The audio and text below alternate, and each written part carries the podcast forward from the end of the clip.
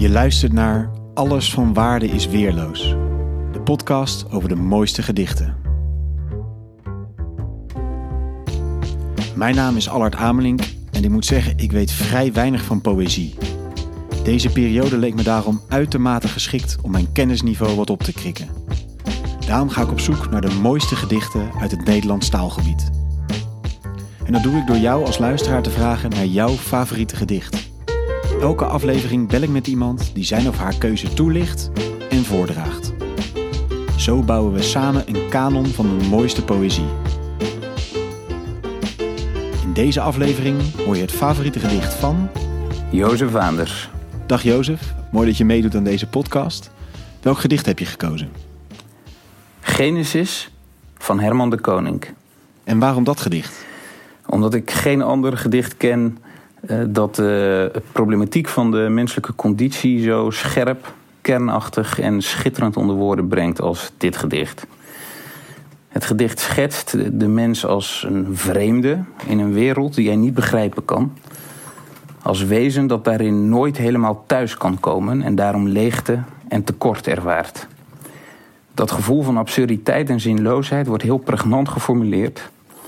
Evenals de opstand daartegen en de vrijheid die daarmee in het geding is. Het gedicht schetst de schepping voordat, als sluitstuk daarvan, de mens daarin geschapen wordt. Dus alles is al door God geschapen, conform ook het Bijbelse scheppingsverhaal in Genesis. Licht en duisternis, zee en aarde, planten, bomen en dieren zijn in de eerste vijf dagen reeds geschapen.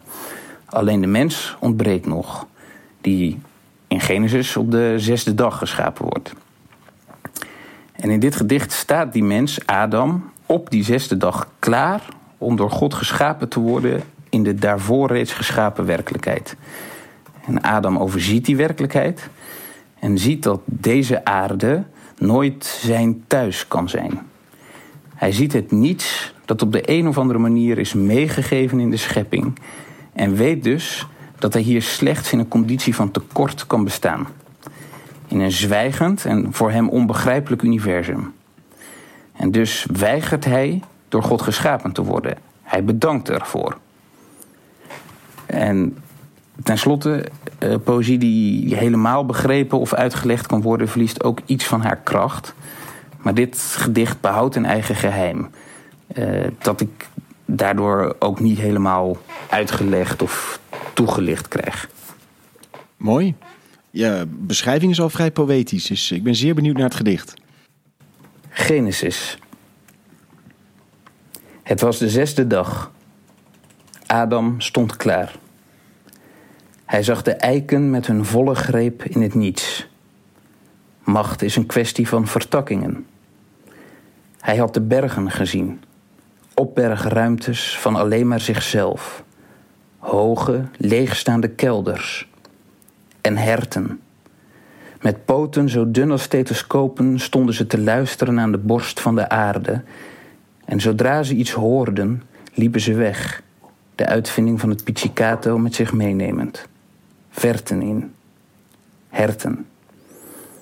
En hij had de zee gezien, het laden en lossen van drukte waar je rustig van werd.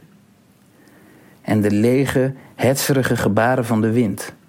Van kom mee, kom mee. En niemand volgde. En diepte. Afgronden waar je moeilijk van werd. En zwijgen, want dat deed het allemaal. En te groot zijn. En toen zei God, en nu jij. Nee zei Adam. Dankjewel, Jozef.